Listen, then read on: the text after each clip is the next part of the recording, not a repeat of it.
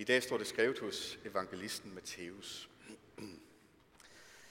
Der kom Zebedeus sønnernes mor hen til Jesus sammen med sine sønner, kastede sig ned for ham og ville bede ham om noget. Han spurgte hende, hvad vil du? Hun svarede ham, sig at mine to sønner her må få sæde i dit rige. Den ene ved din højre, den anden ved din venstre hånd. Jesus svarede, I ved ikke, hvad I beder om. Kan I drikke det bære, jeg skal drikke? Ja, det kan vi, svarede de. Han sagde til dem, mit bære skal I vel drikke, men sædet ved min højre og ved min venstre hånd står det ikke til mig at give til nogen. Det gives til dem, som min far har bestemt det for. Da de ti andre hørte det, blev de vrede på de to brødre. Men Jesus kaldte dem til sig og sagde, i ved, at folkenes fyrster undertrykker dem, og at stormændene misbruger deres magt over dem. Sådan skal det ikke være blandt jer. Men den, der vil være stor blandt jer, skal være jeres tjener. Og den, der vil være den første blandt jer, skal være jeres træl. Ligesom menneskesønnen ikke er kommet for at lade sig tjene, men for selv at tjene og give sit liv som løsesum for mange. Amen. Værsgo og tag plads. Mm. Se, det starter med den her mor, og hun er ude på, at det skal gå hendes børn rigtig, rigtig godt. Og jeg kan simpelthen godt lide den her mor. Hun masser en lille smule på. Altså, sådan, hun går foran sine børn og går hen til Jesus og vil sørge for, at, øh, at det går dem rigtig godt. Og vil sørge for, at Jesus han giver dem plads rigtig nær ved sig. Altså, hvor synes jeg, det er sympatisk.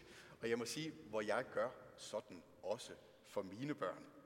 Jeg har ikke mindre end fire af dem, og hvis I vil have mig til at snakke i 20 minutter uafbrudt og prale rigtig meget, så skal I bare spørge, Nå Pia, hvordan går det så med dine børn? Så skal I bare se, hvordan jeg kan snakke.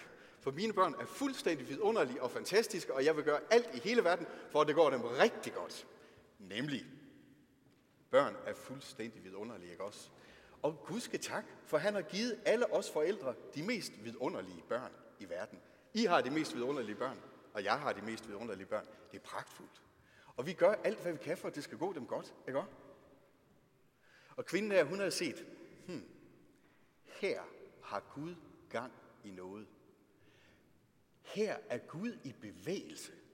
Der er noget her med Jesus, som er helt fantastisk. Mine børn, de skal bare hen og være nær ved ham. Okay? Der kom mennesker til Jesus med uhelbredelige sygdomme. Han gjorde dem rask. Det havde hun set. Der kom mennesker til Jesus med et liv i ruiner og kaos indeni, og så fortalte han dem sådan nogle dejlige ord fra Gud. Så de fik klarhed over deres verden og varme i hjertet og gå på mod. Øh, Jesus, han er godt nok fantastisk. Han talte som ingen andre opførte sig som ingen andre. Her var der noget nyt, og det skal mine børn bare være en del af. Jeg selv engang, da en af Jesus' venner var død, der gik Jesus ud til graven og sagde, kom her ud. Og så kom den døde derud og var levende. Jesus han er fuldstændig fantastisk. Det er åbenlyst for enhver, at her sker der noget, som aldrig er sket før. Aldrig. Det er unikt, det her. Han er ikke bare en i rækken. Han er en, som kommer helt oppefra.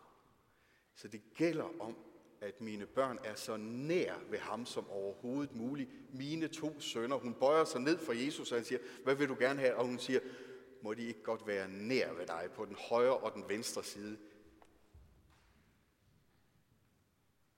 Og så er der en ting, som hun har misforstået, faktisk.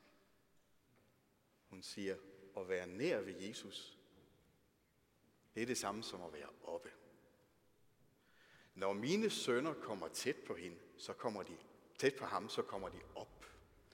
Derop, hvor man bestemmer. Deroppe, hvor der er status, hvor man vinder konkurrencen. Lige ved den store konkurrence. Det gælder om at få manipuleret vores børn derhen, hvor de virkelig kan vinde og få den store gevinst i livet og få succes. Og gøre sig gældende og dominere og sætte sig igennem. Ikke også der? Nær ved Jesus, han er oppefra. Han må trække mine sønner op. Han må være magtens centrum, ikke også? Det er simpelthen sådan, hun tænker. Og så er det Jesus, han sætter sig ned og siger, kom lige her.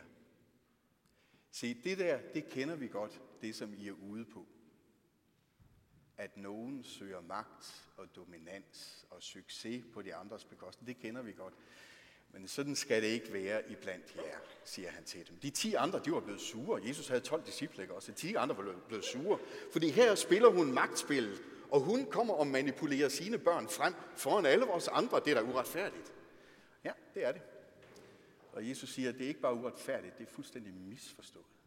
Det er fuldstændig misforstået. Og så siger han noget om sig selv. Han siger, menneskesønnen er ikke kommet for at lade sig tjene, men for selv at tjene og give sit liv som løsesum for mange. Komme nær til Jesus, hmm, det betyder ikke at komme op. For Jesus er ikke oppe. At komme nær til Jesus, det betyder at komme ned. For Jesus er nede. Og det er her, det starter. Her. Det, som Gud har i gang. Den bevægelse, som Gud har i gang for at gøre os godt. For at velsigne os. For at forvandle vores hjerter som mennesker. Og forvandle vores måde at være sammen på. Så det bliver godt og sundt og skønt og rart. Ikke op og dominere, men ned. Og tjene. Og tjene. Jesus er den øverste, ja. Han er oppe. Nu skal I høre historien om ham. Den kan fortælles meget kort sådan her. Den enborne var i faderens herlighed i himlen. Men han gav afkald på alt det hele. Der i himlen var han. Alt er godt, fuldkomment og perfekt, og der var han fra evighed af. Der var han. Englene synger, alting stråler, verden er perfekt. Ingen død, ingen synd, ingenting, der er grimt, ingenting, der er mislykket. Bare, ah, sådan er det. Deroppe var han. Og hvad gjorde han så? Men han gav afkald. Sådan går historien videre. Han gav afkald og kom os nær som et menneske. Han gav afkald på sin himmelske herlighed og tog en tjenerskikkelse på og blev menneske, ligesom os, den evige søn i Guds evighed. Han var her, ligesom os. Man kunne røre ved ham, se på ham, høre ham, spise sammen med ham, alt muligt. Og så gjorde han noget endnu større. Da han var kommet nær, der så han, hvad vi har brug for, så derfor steg han ned. Han fornedrede sig. Han fornedrede sig at stige ned i døden. Ja, døden på et kors. Den ultimative nedgang. På det laveste sted i virkeligheden. Der på grænsen mellem det, der findes, og intet. Helt der steg han ned. For at bære vores synder. For at forvandle vores liv. For at fjerne alt det i vores liv, der er mislykket og aldrig har været Guds tanker med os. Han bar det hele. Han bar det hele. Og derfor, fordi han steg ned og tjente os sådan, derfor løftede Gud ham ud af døden og satte ham højt i himlen på magtens tinde. Han har al magt i himmel og på jord og er det øverste sted, fordi han steg ned og var på det nederste. Det her er historien om Jesus Kristus. Om det største, mest vidunderlige menneske i verden. Om selveste Guds søn. Det er ikke en dominanshistorie. En herskerhistorie. Det er det ikke. Det er en tjenerhistorie. Det er en give afkald på sin ret og sin magt historie. Han kommer os nær for at se, hvad vi trænger til, og hvad vi mangler. Ikke for at kommandere og stille krav, som vi skal opfylde, men for at se, hvad vi mangler. Og uh, vi mangler. Vi mangler kræfter og kærlighed til at gøre det gode. Kære Herre Jesus, du er nær ved os. Vil du ikke godt give os din kraft og din kærlighed til hinanden?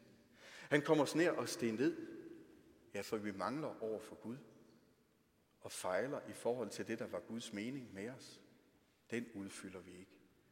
Men Jesus bar det hele og udfyldte Guds mening for os, for at løfte os op. Det er historien om Jesus, den mest vidunderlige. En opløftende historie. En tjeners historie. Den største magt i virkeligheden er en tjeners magt. Den største herre i verden er ham, der har givet os af alt sit på en måde, som er helt fantastisk. Han giver os vores synders forladelse. Aldrig i evighed skal vi kunne anklages for vores mislykkede liv. I evighed har Jesus fjernet vores skyld fra os.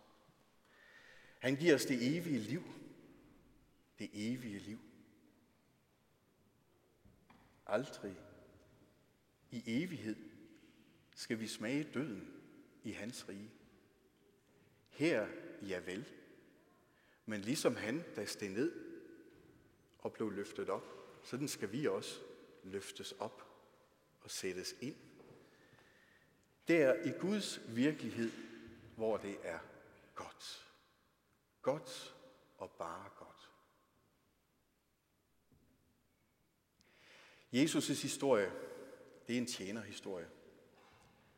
Det er en gå ned historie. Det er en vær nær ved de andre og spørg, hvad de har brug for historie. Det er en historie om kærlighed og venlighed. Det er en historie om, at det ikke så meget af mig, det drejer sig om, men dig, min ven.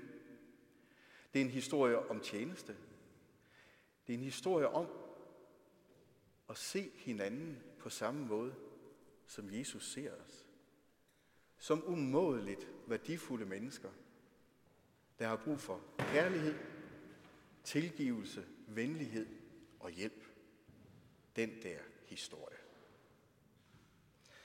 Så spørger Jesus dem alle sammen her til sidst, og særligt de to sønner her med den frembusende mor, så spørger han hende, det er sådan lidt hemmelighedsfuldt, han spørger om det her bæger. Han siger, mit bæger, kan I drikke det?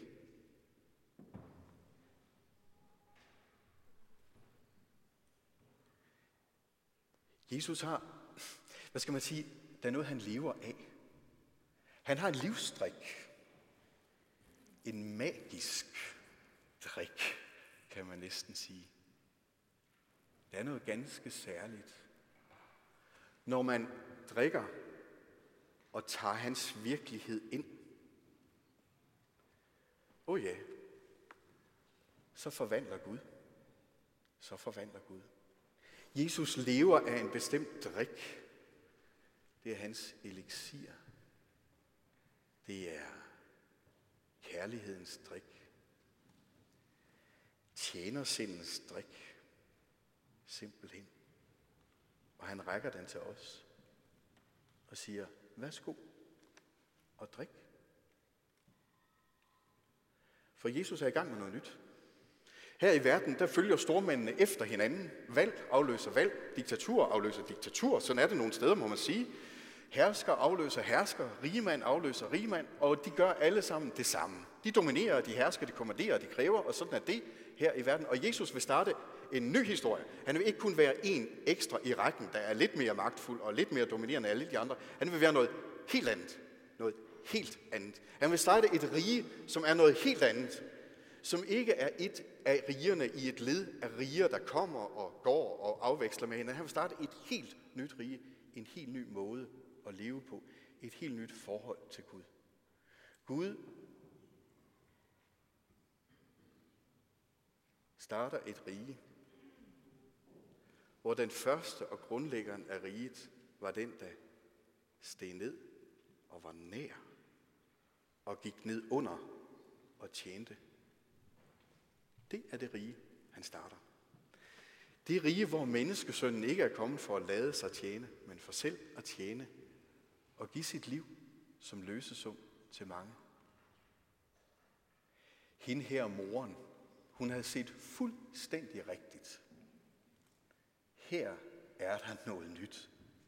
Her sker der noget ganske, ganske særligt. Jesus er fuldstændig unik.